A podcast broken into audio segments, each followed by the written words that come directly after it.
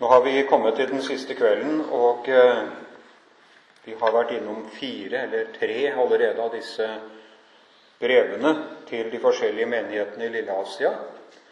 Vi har hatt bare tre timer til disposisjon så langt, og så har vi én time igjen nå. Og da blei det sånn at jeg tar til den siste av disse menighetene, den som er til Laudikea. Og som jeg sa i går, så dreier det seg om eh, forsamlinger rundt omkring i det området vi kaller Tyrkia nå. Det er vel sikkert noe alle her kjenner til. Og eh, det ser ut til at det er forskjellige tilstander i disse forsamlingene. Og så er det Jesus som åpenbarer seg for apostelen Johannes og meddeler sin, sine ord til disse forskjellige menighetene. Og så kan det som ble sagt den gangen, også si oss noe i vår tid. Det står det i slutten av alle disse sendemenighetsbrevene. Den som har øre, han hører hva Ånden sier til menighetene. Det står i presens. Det er et budskap som også gjelder inn i vår tid. Vi skal be litt sammen før vi leser teksten. Kjære Jesus Kristus, takk at du har samlet oss og gitt oss anledning igjen til å høre fra ditt ord. Jeg ber om at du må gi meg det jeg trenger for å bære frem ordet slik som du har gitt det til oss. Hjelp meg, Herre Jesus, til å tale slik som ditt ord taler. At det må gå inn i våre hjerter og vår bevissthet, Herre Jesus, og vise oss vårt sanne forhold til deg. Takk, Herre Jesus, at du er her for å søke de som har kommet bort ifra deg. Du er her for å trøste og styrke dem i troen som lever i samfunnet med deg. Be om at du, Herre Jesus, viser deg for oss som vår frelser og vår Gud, og den som vil bevare oss i troen på din nåde og frelse. Amen. Og skriv til engelen for menigheten i Laudikea. Dette sier Han som er Amen, det trofaste og sannferdige vitne, opphavet til Guds skaperverk. Jeg vet om dine gjerninger, at du verken er kald eller varm. Det hadde vært godt om du var kald eller varm. Men fordi du er lunken og verken kald eller varm vil jeg spy deg ut av min munn. Fordi du sier 'Jeg er rik, jeg har overflod og har ingen nød', og du vet ikke at du er russel og ynkelig og fattig og blind og naken. Så råder jeg deg at du kjøper av meg gull lutret i ild, hvor du kan bli rik og hvite klær for at du kan være kledd i dem, og din nakenhets skam ikke skal bli stilt til skue, og øyensalve til å salve dine øyne med for at du kan se. Alle dem jeg elsker, dem refser og tukter jeg. Derfor ta det alvorlig og omvend deg. Se, jeg står for døren og banker. Om noen hører min røst og åpner døren, da vil jeg gå inn til ham og holde nattverd med ham og han med meg. Den som seirer, ham vil jeg gi å sitte med meg på min trone, liksom jeg òg har seiret og har satt meg med min far på hans trone. Den som har øre, han hører hva Ånden sier til menighetene.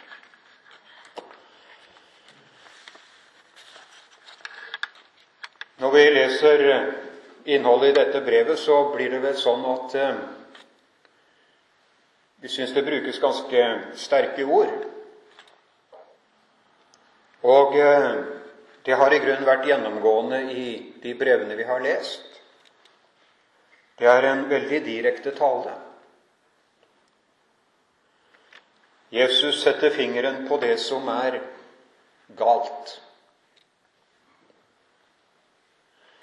Og det gjør han ikke for at de som hører det og får det budskapet, skal eh, bli i det. Det er ikke for å stanse ved elendigheten, hvis en kan bruke det uttrykket, og eh, sirkle om hvor galt alt er. Men det er for å komme ut av det. Jesus begynner med å peke på det som er galt i den menigheten som Johannes skal skrive til.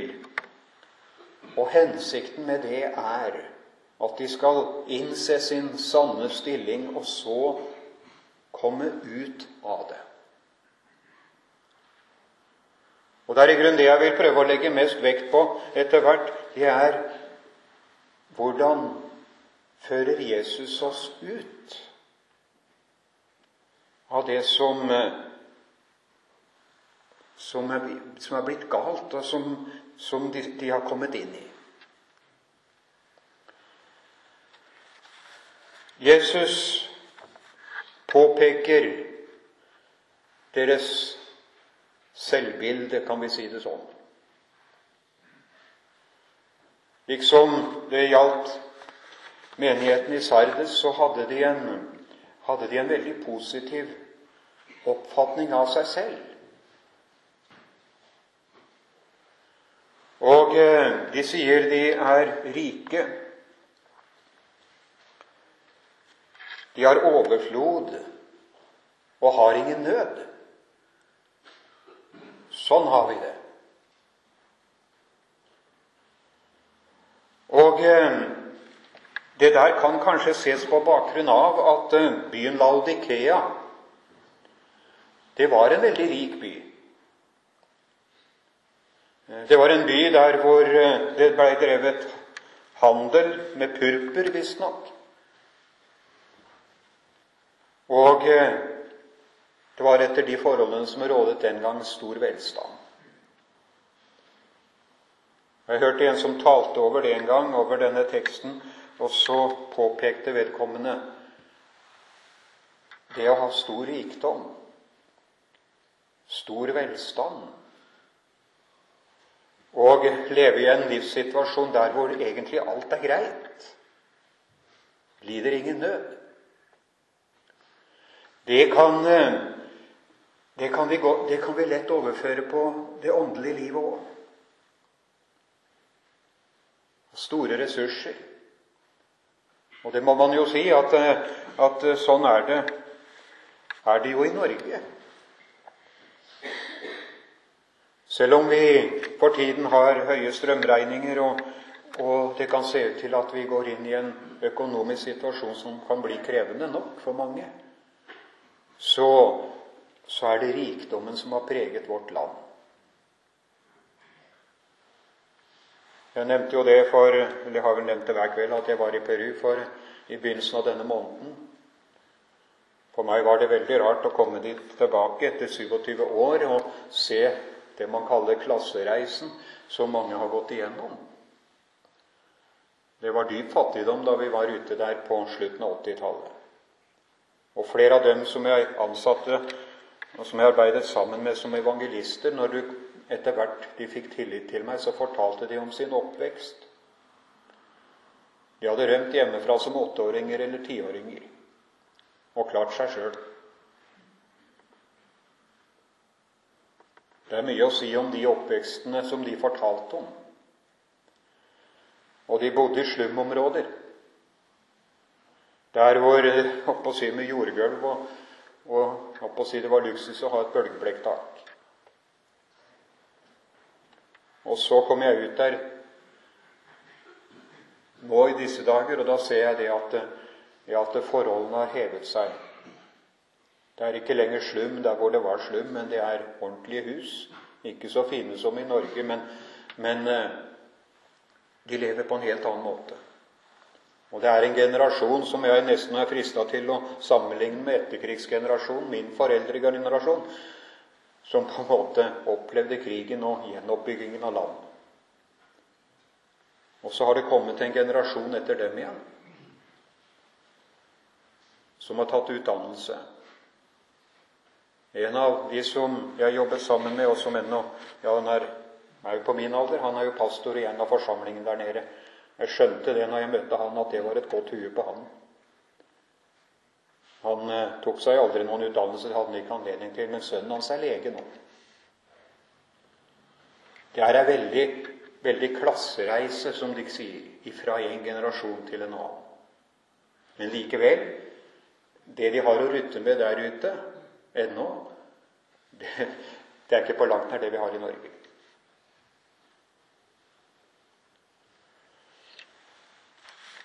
Det der med rikdom, det, det er noe som er betrodd oss. Og eh, det er noe som skal forvaltes for Guds rike sak. Det er, eh, det, skal, det er, et fellesskap mellom de som bor der nede og der borte, Afrika, på forskjellige kontinenter, og vi som bor her. Og det er noe av det som er dynamikken i misjonen. ikke sant? Vi gir av vår overflod. Og det gleder jeg meg over å se at folk gjør.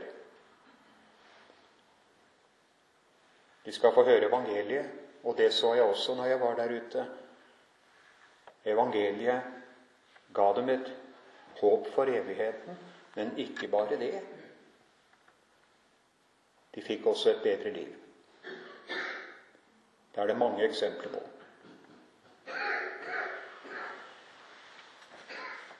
Det kan være en fristelse å tenke at det vår åndelige tilstand er på samme nivå som vår rikdom. Vi har store ressurser. Vi bygger store forsamlingshus. Vi kan bruke store summer på arrangementer. Vi kan skape, holdt jeg på å si, møter og arrangementer ja, som fra utsiden oser av liv.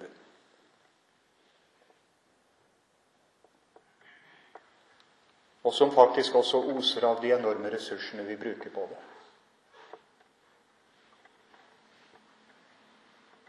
Jeg husker det var en misjonær som sa en gang høyttaleranlegget her i dette huset er like mye som et årsbudsjett på mitt misjonsfelt. Det er til å tenke på.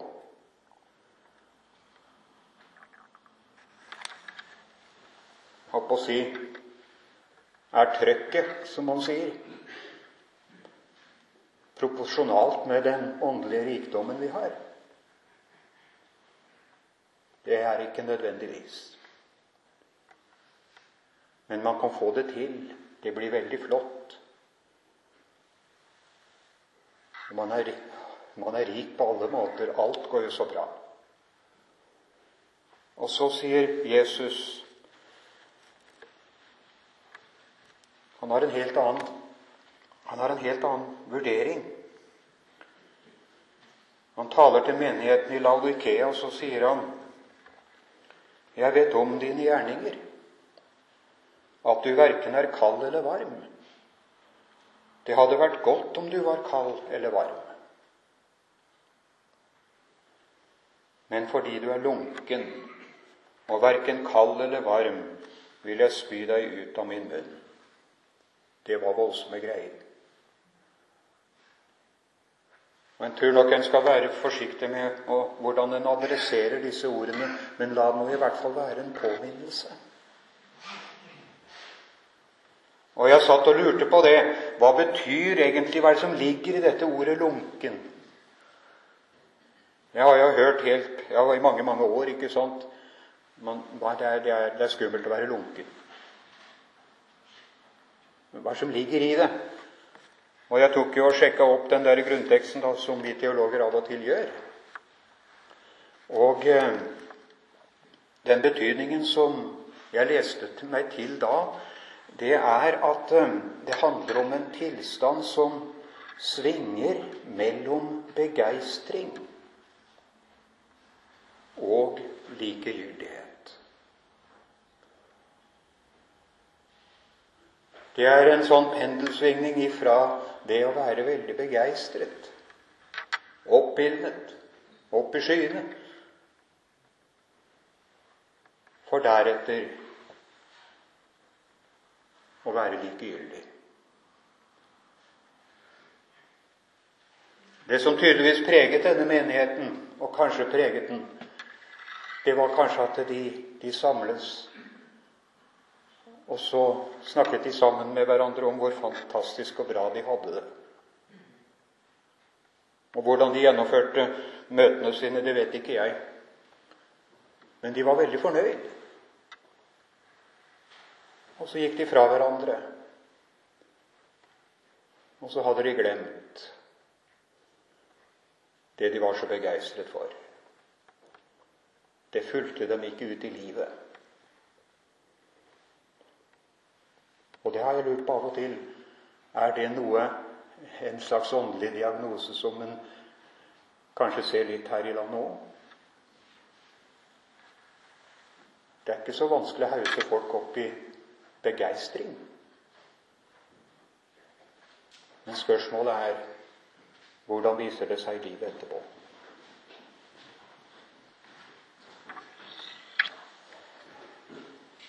Det er det Jesus sikter til, at det er et misforhold mellom på å si, den forståelsen en har av seg sjøl, og det som er virkeligheten i livet. Du er lunken, står det. Fordi du sier jeg er rik og har overflod og har ingen nød, og du vet ikke at du er ussel og ynkelig og fattig og blind og naken. Ja, Det er jo et skrekkelig Det er jo voldsom, en voldsom setning å komme med. Det er folk som eh, si, sitter veldig godt i det og har ja, kanskje har høy status.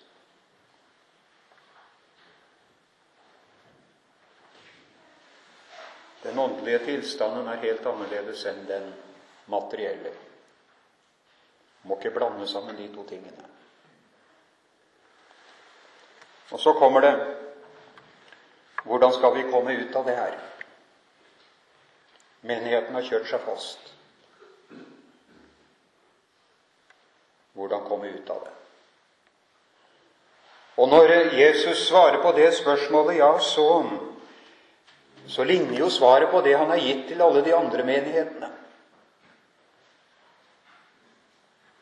Det handler dypest sett om å komme tilbake til det som er selve frelsens grunn. Og eh, jeg tenkte på det da jeg arbeidet med teksten i dag, at, eh, at Jesus faktisk på å si, Han bruker nesten et forretningsspråk. Jeg råder deg til at du kjøper av meg gull lutret i ild for at du kan bli rik, og hvite klær for at du kan være kledd i dem, og din nakenhets skam ikke skal bli stilt til skue, og øyensalve til å salve dine øyne med for at du skal se.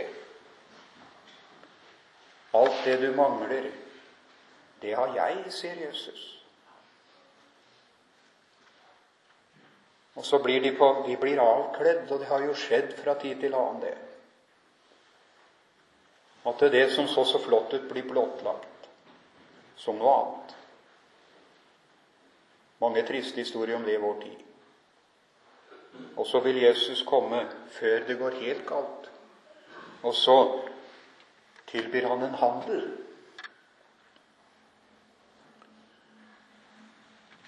Og eh, her er det jo rike mennesker.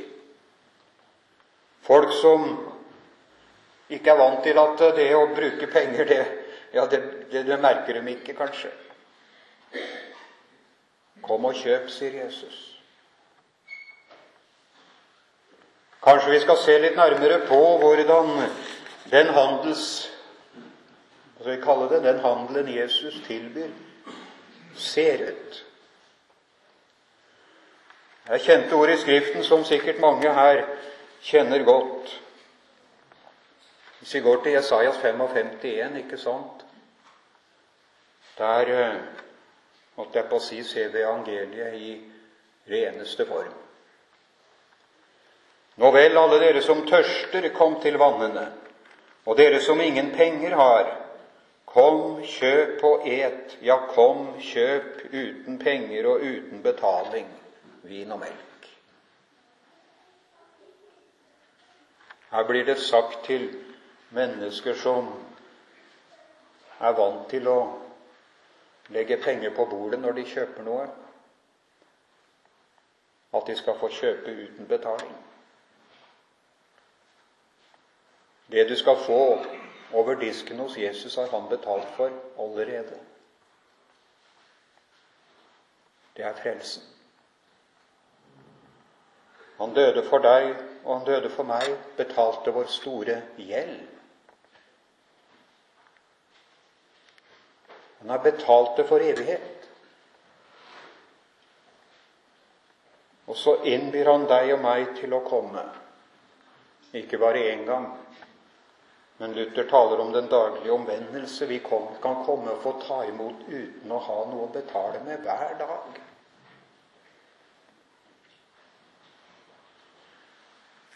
Og så kan hun jo stille spørsmålet De som var i Laudikea hva syns de om et sånt tilbud?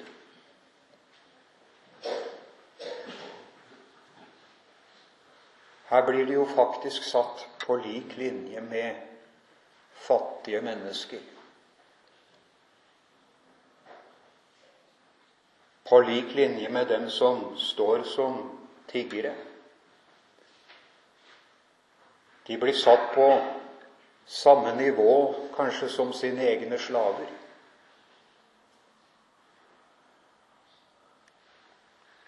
For sånn er det. Det Jesus tilbyr, det gir han til den som ikke har noe å betale med. For han har betalt selv. Har man liksom fått en sånn la oss si, mentalitet preget av det at jeg klarer meg sjøl, som blir overført på det kristne livet, og som fører til at nei, det der byr meg egentlig imot at jeg skal betale for det som Gud vil gi til meg.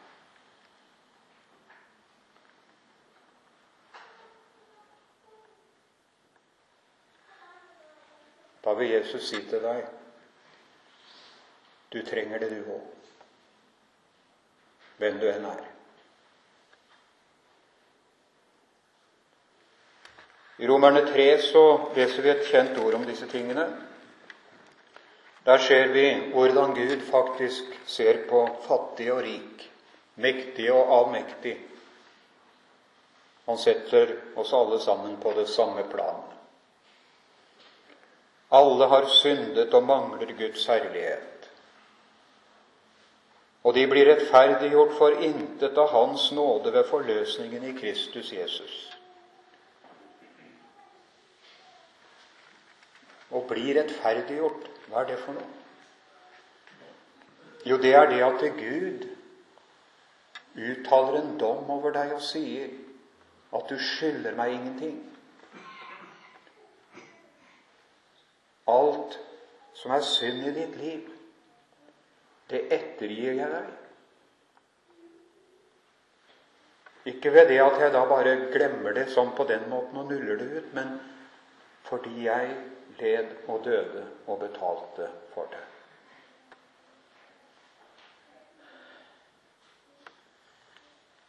Liksom din synd ble tilregnet Jesus, ført over på hans konto for fortsatt å være i dette økonomispråket, og slik at han betalte og gjorde opp for det, på samme måte blir hans rettigheter og hans rettferdighet og fullkommenhet lagt på din konto. Det er ingen forskjell mellom mennesker når de møter Gud, på han eller hun som lever i slummen, for det er slum i Peru ennå, og på den som da lever i beste velstand her i Norge. Innenfor Gud så må vi kjøpe og komme og si har ingenting å betale med. Gi meg din nåde og din frelse. Og Det står om Abraham i kapittel 4 i Romerbrevet Dersom Abraham ble rettferdiggjort på grunn av gjerninger, da har han jo noe å rose seg av, men det har han ikke for Gud. For hva sier Skriften? Abraham trodde Gud, og det ble tilregnet ham som rettferdighet. Og så står det i fortsettelsen Den som har gjerninger, får ikke lønnen av nåde, men som noe han har fortjent. Den derimot som ikke har gjerninger, men tror på Han som rettferdiggjør den ugudelige, han får sin tro tilregnet som rettferdighet. Her brukes ordet lønn. Men det er snakk om en lønn som blir gitt til en person som ikke har arbeidet for.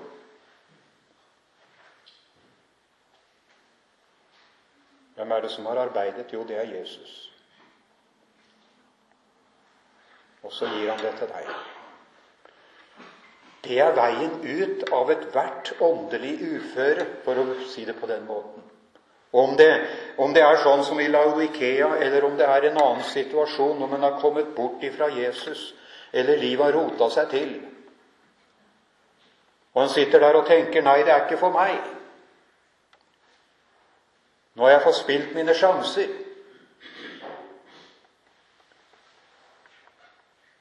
Nå har jeg kommet bort ifra Jesus, ja.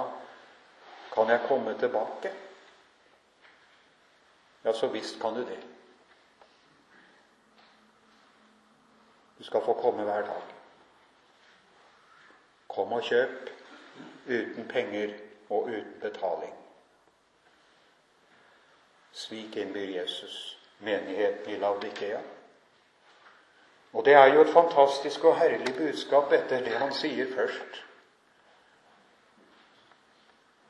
Til de som stolte på seg selv og var så stolte. Ja, han vil ha dem i en sånn posisjon at de tar imot nåden. Og så kan det jo hende det at det er noen som hørte det budskapet lest, og så sitter de der og konkluderer likevel med Nei, jeg kommer ikke. Jeg husker en historie fra en av skolene til Misjonssambandet. Den har jeg sikkert fortalt før. En risiko for det når jeg har vært der ja, 20 år snart. Men eh, ok. Predikanten tok opp en, en seddel. 200 kroner var det vel. Og så sa han til ungdomsflokken som satt der Den av dere som kommer opp, skal få den. Og der satt de. Og det var jo som limt fast til setet, alle sammen, ikke sant? Og til slutt da så var det jo en av klovnene ikke sant, som reiste opp og gikk fram og tok seddelen. Og så fikk han jo dette klassiske spørsmålet ja, hvorfor, hvorfor kom du? Ja, du sa det jo, sa han. Ja, du kom på mitt ord, sa han. Ja, ja, jeg gjorde jo det, sa han. Og det er det det er på det grunnlaget jeg kommer til Jesus. Jeg kommer på Hans ord. Men så har jeg tenkt litt på den historien av og til og kanskje tenkt på om det hvis det satt en person et, som var, rett og slett trengte de pengene, men som ikke, tør, ikke turte å gå fra. Hva med den? Da tenker jeg at Jesus faktisk kan bruke en annen metode òg. Man kan gå ned der hvor den sitter, og så kan han si til vedkommende 'Jeg vet du trenger det. Det er til deg.' Og sånn kommer Jesus. Og det er i grunnen det som står i fortsettelsen her. Det er liksom, ser ut som Jesus først så, så inviterer han dem til å komme. Kom og kjøp uten penger og uten betaling. Ja, det er det budskapet som kommer i Skriften. Men kommer de? Det er ikke sikkert. Men da holdt jeg på å si skifter Jesus taktikk. Og så kommer han til deg. Se, jeg står for døren og banker. Jeg kommer til deg, banker på din dør. Jeg vil inn til deg. Jeg kjenner deg ved navn. Og jeg har betalt deg for deg og kjøpt deg. Og jeg vil inn til deg. Jeg vil holde nattverd med deg, sier han. Og det kan vi godt tenke på. Nattverden, det er Ja, det er evangeliet. Da Jesus innstiftet nattverden, så sa han til disiplene dette er mitt legeme. Det er min kropp. Dette er mitt blod. Det var brød og vin som skal utgytes, sier han. Det skal, det skal flyte. Kroppen min skal dø. Han sa det like før han ble tatt og dømt og korsfestet. Dette er mitt legeme. Dette er mitt blod. Dette gir jeg til deg, for det skal, det skal utgytes til syndenes forlatelse, står det. Sjølve nattverden så ser vi sammenhengen mellom det Jesus gjorde på korset, og følgen av det. I nattverden så ser vi hvordan han ga seg selv og sitt liv som betaling for deg og meg. Og så, så sier han, 'Jeg vil inn til deg, og så vil jeg gi deg del i det'. Ta imot det. Og hvordan tar jeg imot Jesus?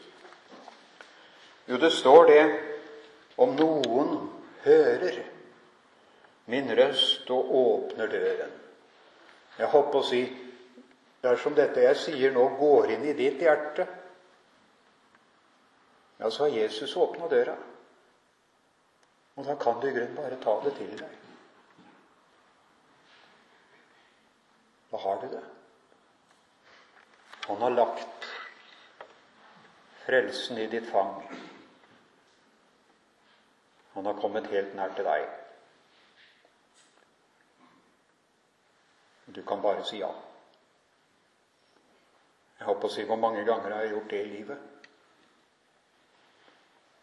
Jeg har måttet gjøre det mange ganger.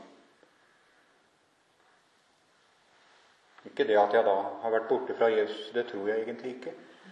Men eh, jeg trenger nåden hver dag. Og det kan bli så vanskelig mange ganger å tro at en er et frelst menneske.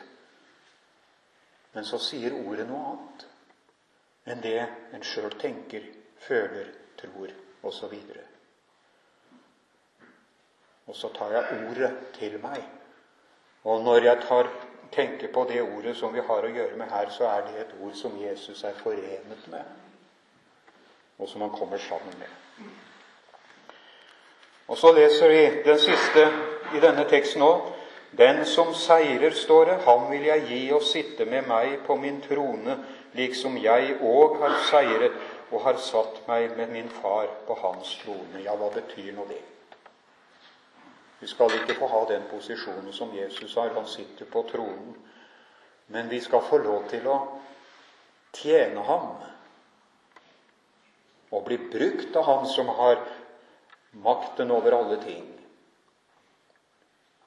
og som kan gjøre mye mer enn det vi kan forestille oss. Jeg må jo si det var for å dvele ved Peru igjen. Det var ikke så mange store menigheter når vi var ute på 80-tallet. Det var første gang vi var der.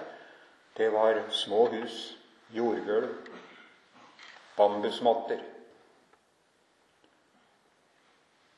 Jeg husker det særlig på kysten, som jeg nevnte første kvelden. Der var det, der var det sånn. Og det kom kanskje en ti-elleve stykker. Og Nå møtte vi, nå kom vi til en menighet der var vel i hvert fall 50 stykker omtrent. Og de hadde fått et ordentlig hus med sement, ordentlig tak, ordentlig gulv. Og sånn var det mange steder. Og da tenkte jeg det Når vi å si, gjorde det vi kunne, ja, så var det i grunnen Jesus som ga, ga, ga, ga veksten. Og sørget for at mennesker kom til tro og ble bevart i troen. Vi skal få være med i hans riksplan, hvis en kan bruke det uttrykket. Han sitter på tronen, og vi skal få lov til å tjene ham der sammen med ham. Den som har øre, kan høre hva Ånden sier til menighetene. Jeg er veldig glad for å kunne si at det evangeliet som jeg har forkynt i kveld, det gjelder. Like mye som det gjaldt på syndefallets dag, da det ble sagt at kvinnens ett skal knuse slangens hode. Frelsen er fullbrakt. Du trenger ikke legge noe til. Du kan hvile i den, og på det grunnlaget kan du tjene Gud. Og da er du rik, åndelig talt, i Jesus Kristus. Takk, Herre Jesus, for ditt ord til oss. Jeg ber om at du må velsigne arbeidet her. Alt det som gjøres i denne bygda, Herre Jesus, for deg. Ber om at du bevarer oss i troen, at vi ikke blir så store i oss sjøl på noen måte og blir så opptatt av vår egen rikdom og det vi har, at vi glemmer hva du har gjort for oss, og som du bare kan gi oss. Be om at ordet ditt må virke, at det må kalles, at du må kalle mennesker som lever borte fra deg, inn til ditt rike og til omvendelse. Amen.